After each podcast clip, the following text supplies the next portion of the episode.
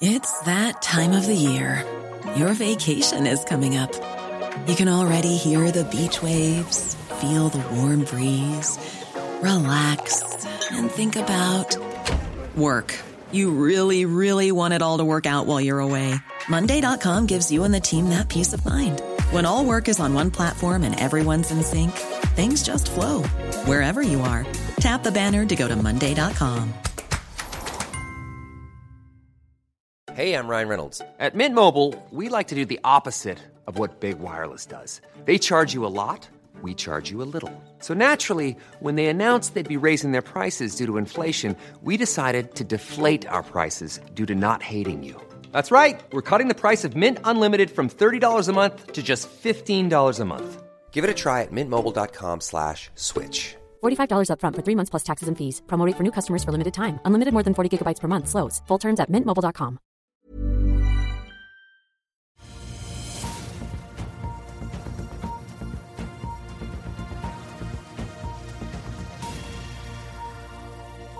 En riktig god mandagsmorgen alle sammen. Du ser på Børsmorgen her hos oss i Finansavisen. Mitt navn er Marius Thorensen, sammen med aksjekommentator Karl Johan Månes her på Smestadammen i Oslo. Kalenderen viser 11. september. Det er valgdag her i landet. Ferske tall viser at inflasjonen faller, og sjefen i Ice Fish Farm går av.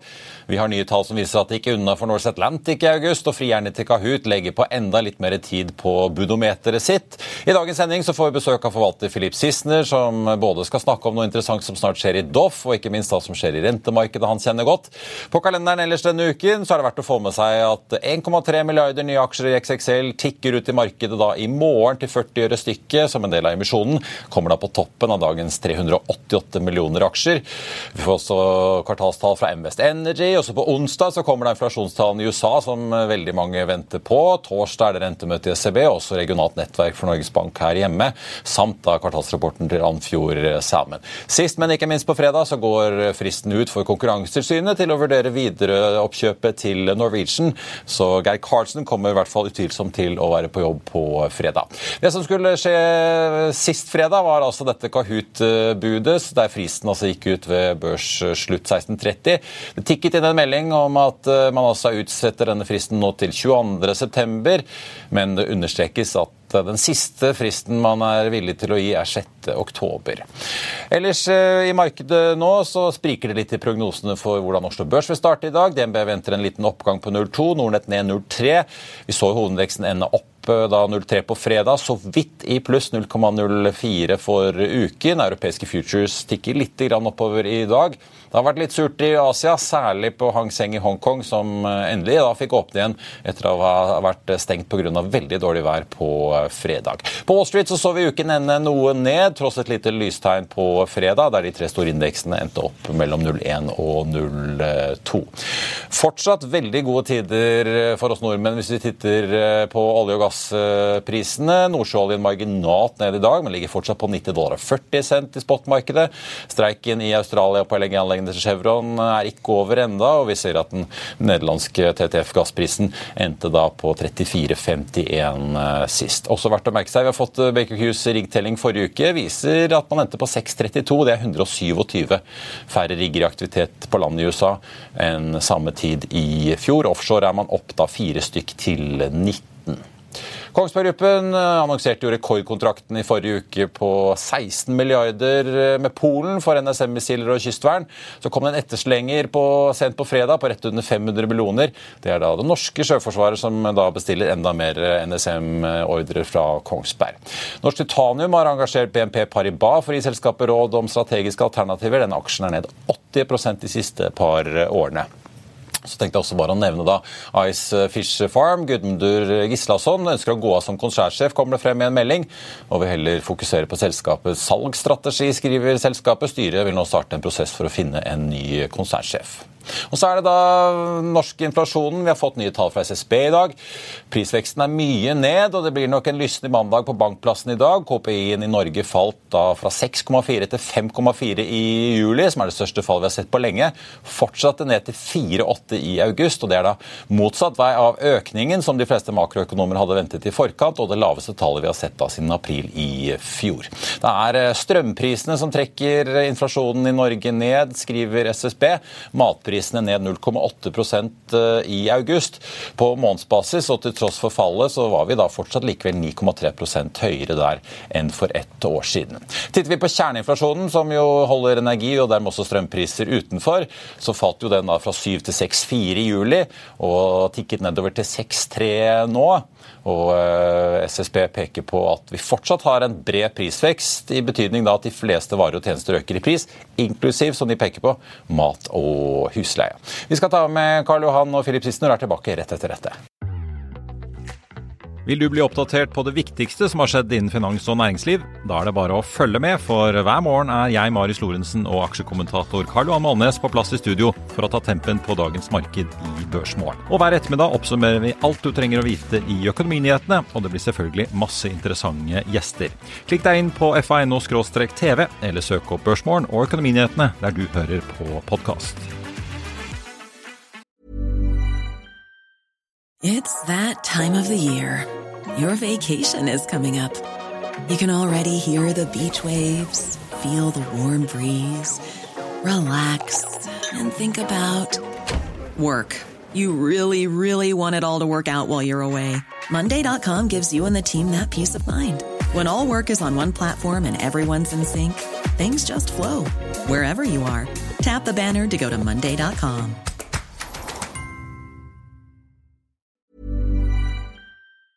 I'll see you in court.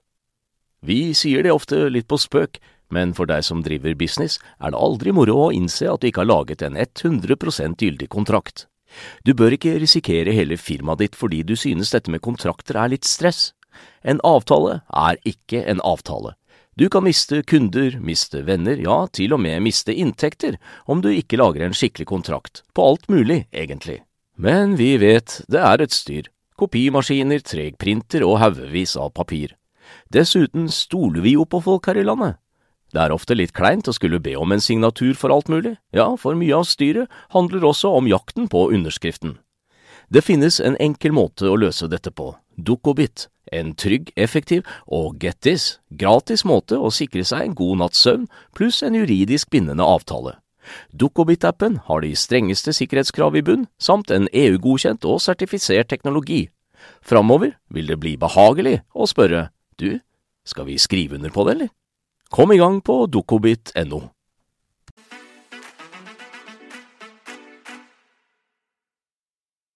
Velkommen tilbake. Da skal jeg ønske god morgen til Karl Johan og Filip Sissener. God mandag begge to. Har dere stemt, da?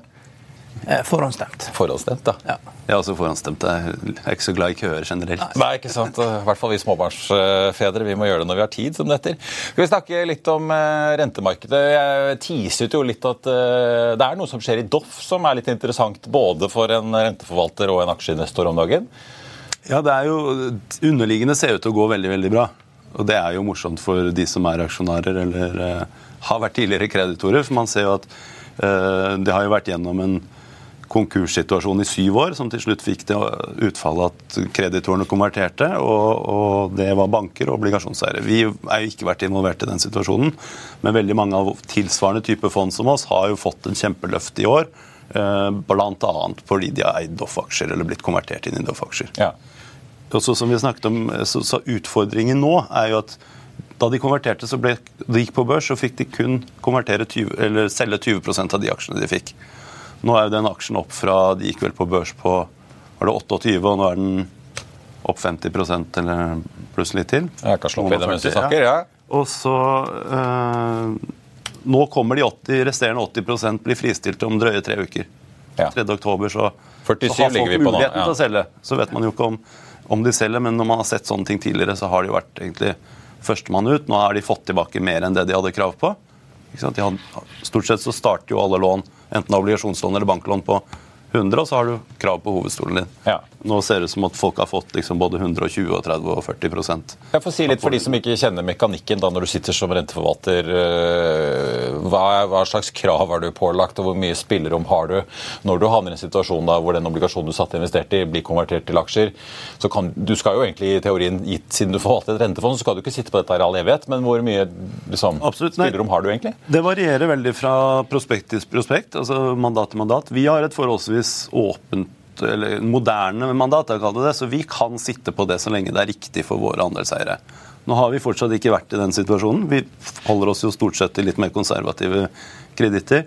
Men er, eh, tidligere var det noen som måtte selge med en gang, som ikke hadde lov overhodet til å sitte med aksjer. Men også de har nå endret mandatene sine, så folk kan sitte med aksjer tror jeg, så lenge de vil. Men om det er riktig å ha mellom 5 og 10 av fondet sitt i aksjer når det er et høyrentefond, det er jo det får investorene bedømme, egentlig. Vi har jo sett uh, også litt lignende situasjoner da, men da med staten i Eksfin, som uh, i noen runder i løpet av året har liksom måkt ut aksjer i Sidril. Uh, så kan det diskuteres om det var god timing for dem eller ikke, men det blir jo store volumer plutselig, da. Jeg tror bankene stort sett er sånn at har de fått tilbake pengene, skal de ut. Ja. Mens fondene kan være litt mer opportunistiske og tenke at det skal videre, eller Det er jo ikke tilfeldig at du får dette her kanskje første dagen i fjerde kvartal. da, Så har man hele kvartalet på å selge seg ut.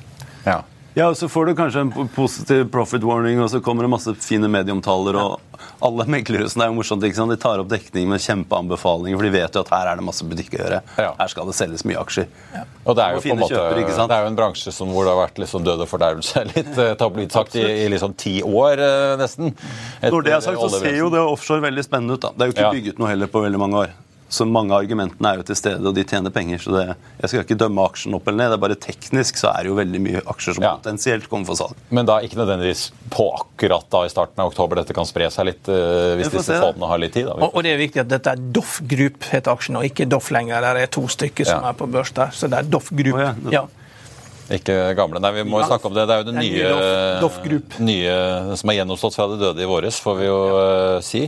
Uh, skal vi snakke litt ellers om uh, hvordan det går i rentemarkedet? For veldig mange har jo satt pengene i din vi skal kalle det din sektor fremfor aksjer i liksom påvente at det kanskje smeller. Mm. Pluss at man får jo en ganske pen i hvert fall direkteavkastning eh, før man begynner å snakke om verdiendringer i eh, disse obligasjonene. For rentene var jo krøpet så mye oppover. Absolutt. Og fondet ditt ligger vel, Det er jo nesten 10 i løpende renteavkastning?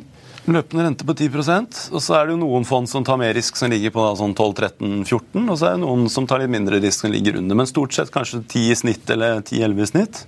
Uh, og det er jo historisk attraktivt for alle aktive klasser. Altså Om du ser på nesten uansett hva du har, ugiret, og som gir 10-11 det er veldig lite som har gitt det over tid.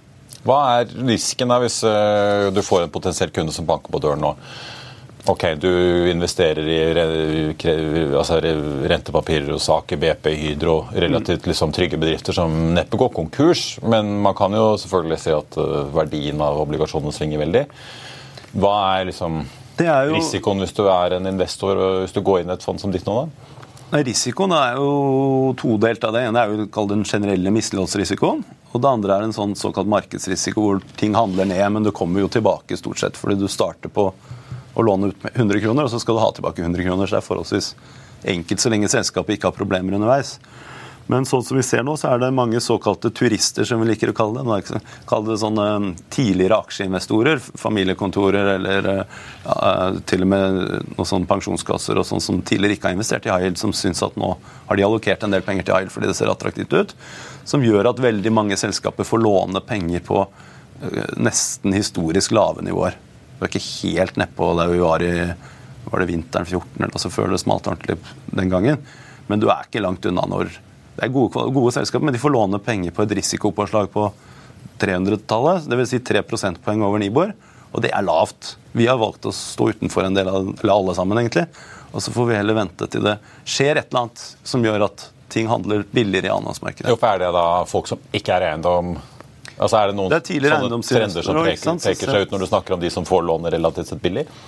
Ja, nei, Det er uh, alt mulig. Det er alt fra hvem er det som har kommet nå? da? Klavenes og Wilhelmsen og Bonheur og Stolt-Nielsen skal vi møte i dag. Altså, jeg skjønner godt at de går nå. Det er jo nå man burde låne penger eh, hvis man ønsker det, eller refinansiere det man har. Eh, fordi investorene åpenbart eh, er lite kritiske på pris. Og så, Vi kan sitte i annenhåndsmarkedet samtidig og kjøpe kvalitetsobligasjoner i Norske Skog, som vi snakket om i sted, Infront, som dere også bruker her, ikke sant? på over 400 punkter. Jukseskjermen min nedi her. Så hvorfor, Hvorfor ikke bare gjøre det? Danske Bank har vi akkurat kjøpt på 650 punkter. Så hvorfor drive og holde, holde på med de der nye som får låne altfor billig, det, det skjønner ikke vi helt. Men hvordan går det med disse obligasjonene som låner veldig dyrt, sånn som PGS og Archer og sånn? Har de obligasjonene utviklet seg bra siden de hentet penger? Ja, PGS ble vel gjort på underkurs i tillegg til den. Har jo gått et par kurspoeng fra 97 opp til 101 eller noe sånt. Mm. Uh, vi har ikke vært med der heller. Det er liksom i øvre enden av Den er også sånn vi tenker at på en regnværsdag så får vi den på dyp rabatt. Og da er det bedre å sitte og vente til det. Ja. Og så plukke kortere morsomme ting i mellomtiden. Men det at det som en ting er jo at eh, de betaler relativt lite i dagens marked, altså påslaget mm. er lavt, men det er jo fortsatt summa summarum en ganske høy, et høyt rentenivå Absolutt. for selskapene å betjene.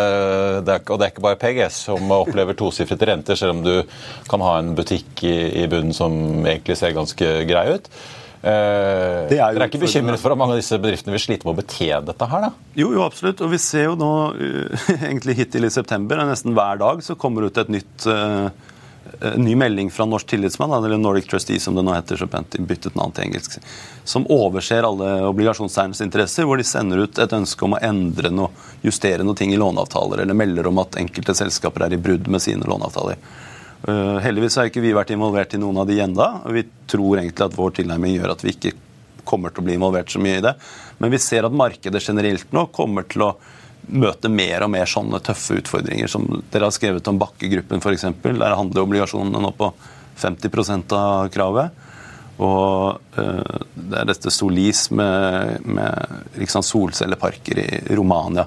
Så hvorfor skal man investere i det når man kan kjøpe gode norske kreditter på helt annen spredd. Mm. Det resulterer jo i at flere obligasjonsfond hittil i september er jo ned 1,5 og Det er jo ikke der man ønsker å være. Så Med en gang folk begynner å se det, det var det vi egentlig begynte på, ikke sant? eller om aksjemarkedet korrigerer så mye at det blir mer interessant igjen, mm. så vil du se penger ut av høyrentemarkedet igjen. Ut av high yield, ja. Og da skal de selge alle disse tingene som de har kjøpt på historisk tighte nivåer, som vi kaller lave risikopåslag, kan vi kjøpe det på en uh, rabatt i par. Og Det har funket fint nå i de åtte årene jeg har vært forvalter. Ja. At man, det, disse periodene kommer uansett. Så det er bare å sitte og vente og være tålmodig. Ja. Og da kan du få situasjonen hvor de som må selge seg ut, må ta tap, eller i hvert fall ja. selge til lavere verdier. De som bare sitter igjennom, de kan sitte og ja, ja, få rentenivåene som de trodde de skulle få. For de selskapene jeg nevnte i sted, så er det jo vel, i vår verden da, forholdsvis lav risiko for at du ikke får tilbake pengene. Men at du får en sånn kursfall som så stiger opp igjen, det, det kommer nok mest sannsynlig til å skje. Og så har jo du da SBB og Heimstaden og disse her, og det er jo favoritter som du har vært på Twitter og kommentert også før de gikk utfor bakke. Og der er jo stadig nyheter. Mm. Ja, Vi så jo selv altså Olav Thon, som jo tross alt er ganske solid, betaler langt mindre enn Heimstaden i rentepåslag. Men de skriver også ned eiendomsverdiene ganske mye nå. Ja, det, jeg tror Dessverre så kan de jo skrive opp og ned som de vil. De har noen dårlige argumenter for at de skriver sakte, men sikkert ned. Selv om det er store tall i milliarder, men dette er jo så svære selskaper. ikke sant? Uh, vi må nok se en sånn ordentlig konkurs og et stresset salg før man kan si at ok, gilden er faktisk 5% eller 6% Det at du skriver opp fra 2,5 til 3 og så fra 3 til 3,5, det blir litt juks. Men hvor gilden kommer til å stoppe opp, det vet man jo. Men altså disse, ja, for det er masse disse her, altså Castellum og Balder alle sammen. Du kan jo kjøpe både renter og aksjer i, i disse store svenske også. Når er det, Hva er det du må se før du tror at nå har vi nådd liksom bunn og som du sier, at man liksom faktisk ser hva som skjer? da? Er det at en av de må gå konkurs, som man ser? Nei, jeg tror For vår del, vi holder oss jo helt unna eiendom. Både på aksje- og obligasjonssiden foreløpig. Vi er vel ikke shorten noe eiendom heller akkurat nå. Eh, du må se et stabilisert rentebilde.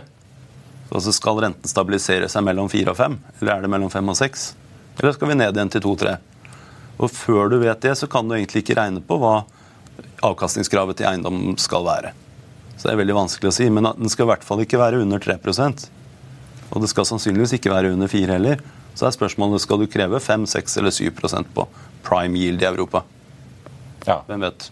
Det, det som er rart det er liksom, det, det, Du hadde ikke turt å gå inn verken på aksjer eller rentesiden i noen av disse eiendomsaksjene ennå? Nei, i utgangspunktet ikke. Det, det, som er rart, rart, i den situasjonen, er jo at rentene er så lave. Altså, vi som kom ut og fikk, fikk med oss liksom 1988 eh, og eh, liksom når realkreditt og sparebankkreditt alle disse obligasjonene det, det, var jo gode renter. altså Man drev og tenkte renterisiko 15-16 og investa til 16% Men det var ingen som tenkte kredittrisiko fordi at man ble blenda av renten. Og, men rentene har har jo vært veldig lave. og Likevel er det ingen som tenker kredittrisiko, fordi at det har vært så mye billige penger. Og Når du da i tillegg har en sånn match som Alekta da, og heimstaden Alekta, Alekta som selger ut av, av, Handelsbanken, som kanskje er en av de mest veldrevne bankene i hele verden, har veldig klart prinsipp på hvordan de driver. Det, er iallfall veldig tydelig hva de gjør. da. Og så kjøper du tre banker i USA, og alle tre går konkurs. Da er jo det et eller annet som er helt feil med den måten Alekta, som er hovedpartneren til Heimstaden, jobber. Nå har vi fått Investeringssjefen har fått sparken, og styrelederen har fått uh, gå. Det er jo Hodene kommer til å rulle. Det er visst veldig mye juridisk oppvask på gang der også. Og Dagens Industri meldte at de har hyret inn advokater for de mistenker at de kan ha blitt ført bak lyset. Så får vi se hva det ender i. Men dere hadde vel en short De har vel ført seg selv bak lyset? det, det er så godt gjort når du driver pensjonsfond. Men dere hadde vel en, eh, i siste system en short på SPB, men det har kanskje gått ut? Både SPB og Balder var vi short, og så har det funket det veldig bra, så vi stoppet de før sommeren. Ja. Da har det funket egentlig ganske bra. Uh, og gå ut også. Og nå er det litt sånn vent og se, og så har de jo steget litt opp igjen. Ja. Uh, nå er det litt sånn vent og se. Det, altså, det er vanskelig å se at ikke de må ta enorme grep, alle de svenske eiendomsselskapene. Uh, og det er sannsynligvis innebærer det også å konvertere gjeld til egenkapital.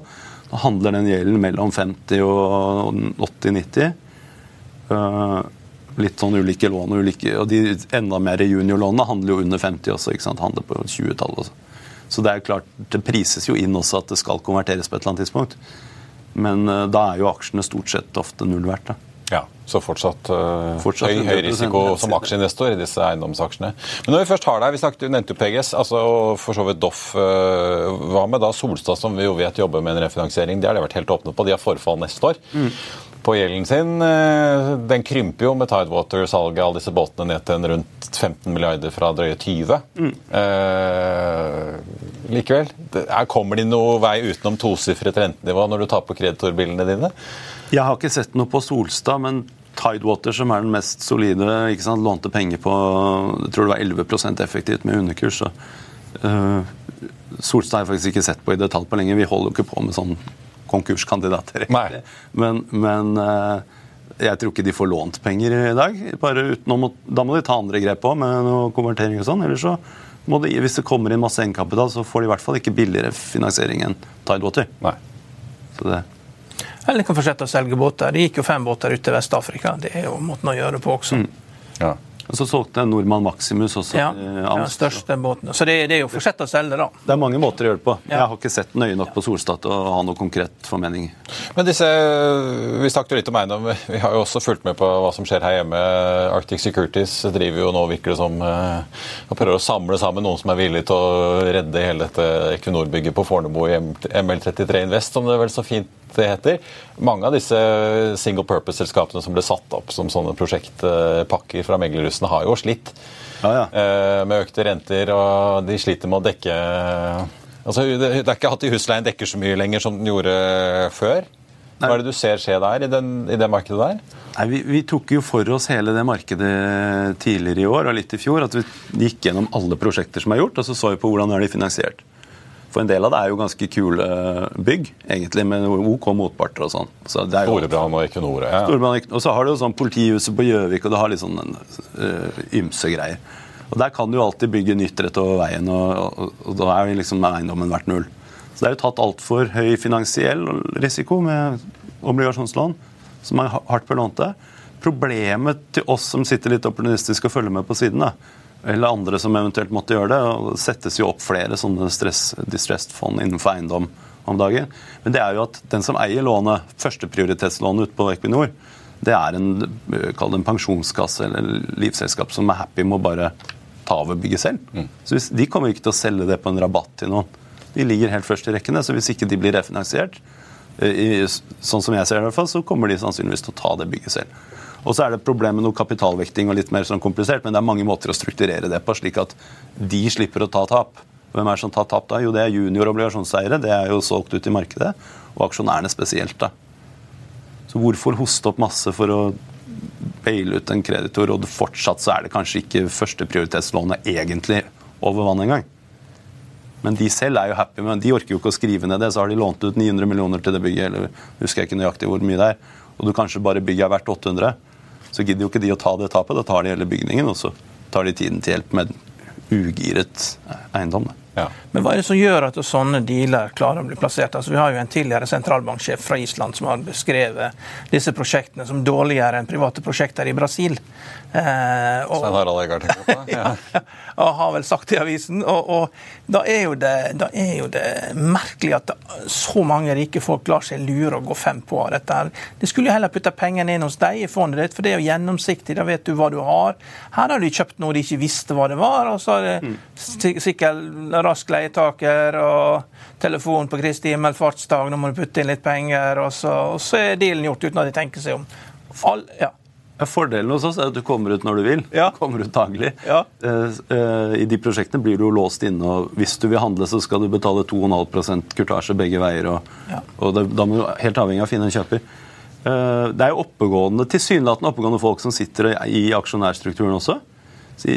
Og flere av de har vi jo prøvd å selge fond til også, men de trodde de kunne ting best selv. Og da eh, Jeg har ikke noe godt svar på det. Vi har jo stort sett holdt oss unna og ikke skjønt noe av disse prosjektene. Verken finansieringen av dem eller egenkapitalsiden. Vi får se. Vi vet i hvert fall Arctic, som vi har skrevet i avisen, er ute og trenger et lån på 15% for å få dette her til å gå rundt. Eh, eh, men til slutt, Philip, når man ser på tallene Så langt i år har fondet ditt gått 6, nesten 7% da. Litt over 9 de siste tolv måneder hvis du ser på august-rapporten. Hvor lenge kan det vare? Altså sånn, Er det store verdiendringer som er liksom den store jokeren som kan gå seg ødelegge hyggen og sitte i gode rentefond om dagen? Jeg tror Øh, og... Eller Hva tenker du selv når du ser de tallene? For det er jo en veldig skal... pen avkastning. Liksom. Det er veldig fint. og Nå er det jo til og med opp, jeg tror vi er nærmere 7,5, for det du refererer til forrige måned. og det har gått tid. Ja, det er per august-rapporten. Per dag som går, får vi jo masse renter direkte inn i fondet. ikke sant? Så Da er det opp sånn 0,03 per dag. Bare automatisk på rentedelen. Og det kommer til å fortsette så lenge vi uh, investerer i de riktige obligasjonslånene. Og som vi sa i sted, Du kan jo få midlertidig markedsstress hvor fondet. Da faller fondet stort sett mellom 2 og 4% Men så kommer, hvis du eier de riktige tingene, så kommer jo kursen ganske fort opp igjen også. Ja. Men når det er full sell-off, så faller alt. Da blir det en sånn kortsiktig ja. I fjor skjedde det tre ganger. I år har det skjedd én gang, i mars. I fjor var det jo krig. Så hadde du juni og september med liksom resesjonsfrykt og rentehevinger. I år hadde du mars med bankkrisen. Det er alltid ett land som drar ned og skaper stress i markedet. Eh, og i forfjor var det ingenting. Da var det så mye doping i markedet at eh, selv de som ikke burde fått lov til å refinansiere, de klarte å refinansiere lånene sine. Ja. Og så er vi veldig spente på hva høsten og neste år bringer. Men ja, si du har 10% i bunn i løpende rente. Ja. Så faller du 2% på et år eh, på kursen fordi verden ser litt mer usikker ut, så har du jo fortsatt 8% og Faller du 4, har du 6 tilbake. Og hvis du... Så det er om å gjøre å ikke gå på de store smellene, de store konkursene. Ja, Hvor du havner i den restruktureringsposisjonen. Ja, hvor Bakkegruppen for eksempel, hvor folk spekulerer i at tomtene ikke har verdi til det banklånet er engang. Da er det null på obligasjonslånet. Mm. Og hvis vi kommer i en situasjon hvor sentralbankene plutselig må trekke i håndbrekken, eh, kutte rentene fordi her blir det full resesjon ja. Hvor lenge glir du uten motorer på det flyet ditt? Da, liksom, rett og slett med de, fordi du, har, du sitter med renter eller rentepapirer som har en gitt rente? Er ja, det bare å følge... Mye av det er flytende rente. Ja. Så det hjelper ikke så mye akkurat det. Men vi øker faktisk gradvis eh, såkalt rentebindingen altså, i, i porteføljen.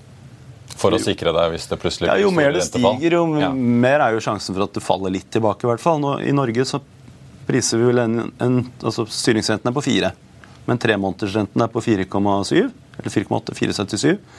Og så priser den egentlig inn en topp om et år på 5,25. Men den kurven stemmer jo aldri. det er jo sånn parallellforskyvning opp og ned hele tiden. Så det er jo sjelden, Men det er jo litt sånn beste indikatoren da, på at vi får en rentetopp om et års tid. Vi får se. Helt til slutt så må jeg spørre, for vi alltid må spørre når vi har noen fra systemet innom uh, som veldig mange syns er gøy, nemlig Tesla. Ja. er, dere, er, dere, short Tesla, eller har dere noen posisjon der nå? Som du husker i farta? Jeg husker i farta. Vi har noen put-opsjoner der som eh, fungerer ganske bra. Eller har fungert ganske bra. Vi ikke, vi er ikke short på gamlemåten, det lærte vi for noen år siden. Men er, vi er fortsatt short Tesla og andre selskaper. Ja. Vi skal følge med. Takk skal du ha, Filip. På Oslo Børs nå så har hovedindeksen faktisk åpnet opp 0,5% Doff, som vi snakket om, har snudd, eh, var litt ned fra start. Nå opp 0,1% til 47,80.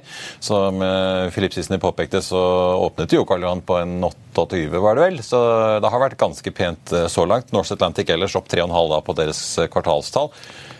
Kahoot litt ned. Er du overrasket over at Goldman Sachs og co. med Eilert Tanoa og sånn med gjengen utsetter budfristen litt? Grann? Nei, de må jo prøve å gjøre det, men de må jo da prøve å bli enige om å komme opp med et litt bedre bud. Ja. Ellers så nytter det ikke bare å gjenta budet. Så skal du sitte, med, sitte, og følge med i morgen kveld? Apple skal ha lanseringsshow. Det begynner vel som det alltid gjør, så vidt jeg vet, 19.00 norsk tid? Ja, men vi, vi, vi, spøkte jo om det før helgen. Hva skal til for at eh, Apple skal selge mer? Du må jo ha en grunn for å selge mer. Og Da spøkte vi med at det kan komme en rosa iPhone. Og nå i helgen så kommer det rosa Apple Watch. Ja. Og, eh, og, jo, eh, og det er jo klart, Kommer det en rosa telefon, så er jo det veldig mange som kommer til å løpe ut og kjøpe den, for de må bare ha den telefonen.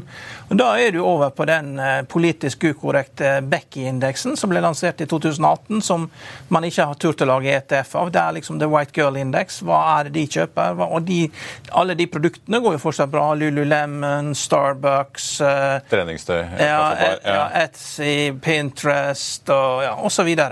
Og, og eh, kommer det rosa iPhone, så kommer mange til å kjøpe det. Men om det er nok til å berge Apple når du har liksom handlet aksjen til 30-gangen, det, det, er ikke sikkert. Men eh, det skader jo ikke da, å, å, prøve å selge noe. Så, og, og eh, den andre fargen som kom, var jo eh, svart og gull på, på Apple Watchen. Og det har jo blitt signalisert det skal komme svart og gull på uh, iPhone. da, Så det betyr jo at det er jo ikke sannsynlig at du får en rosa iPhone. Og da blir det mange som skal eh, rettferdiggjøre at de må ut og kjøpe dem med en gang. Det kan du være ganske sikker på. Jeg følte meg litt sånn kul, kjøpte sånn mørk lilla i fjor. Ja, det kan være at det blir helt ut i år. Ja, for så. Jeg får høre med min bedre halvdel. Ja. Men ja, fordi Apple slet jo litt i forrige uke. De fikk jo Altså i Kina la man begrensninger på hva statsansatte kunne ha Apple-produkter. Ja, og Vi har jo sett videoer i helgen der at de stormer inn og skal kjøpe den nye Huawei-telefonen. og Det er jo sikkert riktig for å få bra social score i, India, i, Kina at du har den rette telefonen. Det skader jo sikkert ikke, de måler jo alt der nede. Så ja. Vi får se. Ja. Er du spent for inflasjonstallene på onsdag, da? Eh, ja, nei. Det er, jo, eh, det er jo spennende. Det er klart det. Men, men eh, Oljeprisen går jo oppover eh, i denne måneden, her, så det, det, det er jo, det er jo like viktig å følge med på oljeprisen som å se på hva de historiske tallene var. da. Så Hvis oljeprisen dundrer oppover, så, så betyr jo ikke det så mye. For det er jo det, er jo det du faktisk betaler, som betyr noe. At du liksom skal ta ut eh, X-food og energy. liksom det, det, er jo greit nok, men energiprisene har jo en tendens til å flytte seg over i alle andre priser. På samme måte som lønn gjør det. Det er jo en viktig ingrediens. Ja, effekt på norske, den norske konsumprisindeksen for. Eh, august. Ja. Som vi vet med været, det kan svinge fort. Ja. Nei, så det, det, er jo Én eh, ting isolert sett, men, men eh, høyere oljepriser forplanter jo seg i høyere, sånn, det er høyere transportkostnader, og transportkostnader er en reell kostnad. Mm.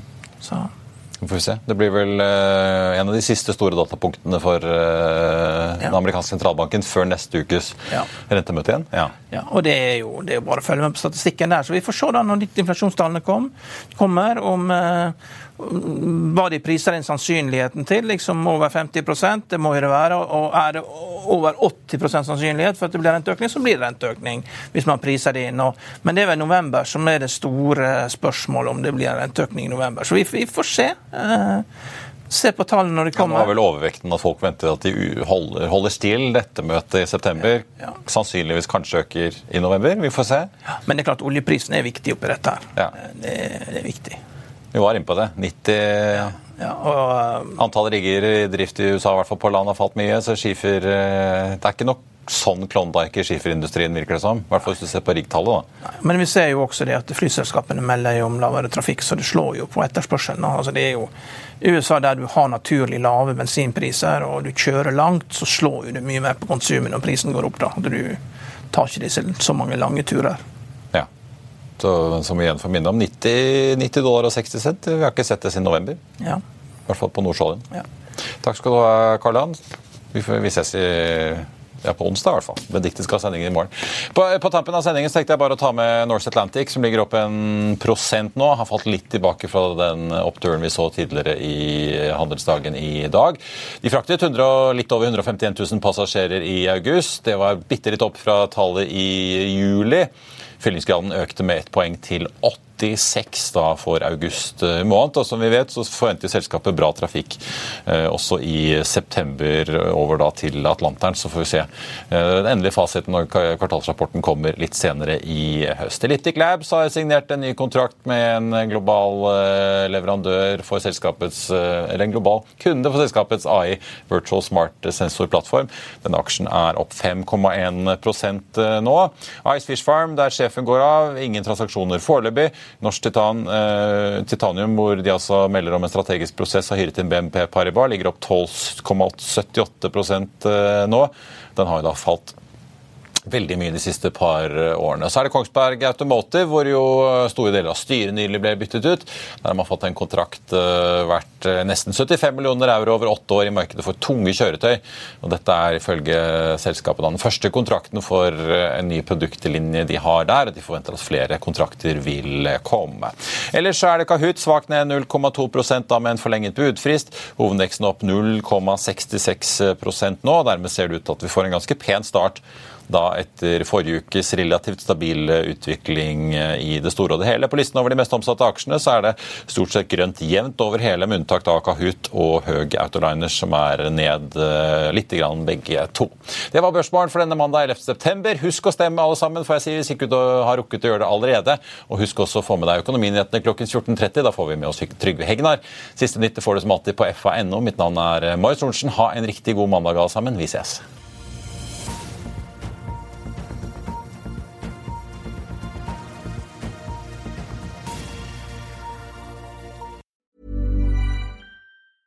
Hey, it's Danny Pellegrino from Everything Iconic. Ready to upgrade your style game without blowing your budget? Check out Quince. They've got all the good stuff shirts and polos, activewear, and fine leather goods, all at 50 to 80% less than other high end brands. And the best part? They're all about safe, ethical, and responsible manufacturing. Get that luxury vibe without the luxury price tag. Hit up quince.com slash upgrade for free shipping and 365 day returns on your next order. That's quince.com slash upgrade. When you need mealtime inspiration, it's worth shopping Kroger, where you'll find over 30,000 mouthwatering choices that excite your inner foodie. And no matter what tasty choice you make, you'll enjoy our everyday low prices, plus extra ways to save, like digital coupons worth over $600 each week. You can also save up to $1 off per gallon at the pump with fuel points. More savings and more inspiring flavors make shopping Kroger worth it every time. Kroger, fresh for everyone. Fuel restrictions apply. Økonominyhetene er en podkast fra Finansavisen. Programledere er Marius Lorentzen, Stein Ove Haugen og Benedikte Storm Bamvik. Produsenter er Lars Brenden Skram og Bashar Johar. Og ansvarlig redaktør er Trygve Hegnar.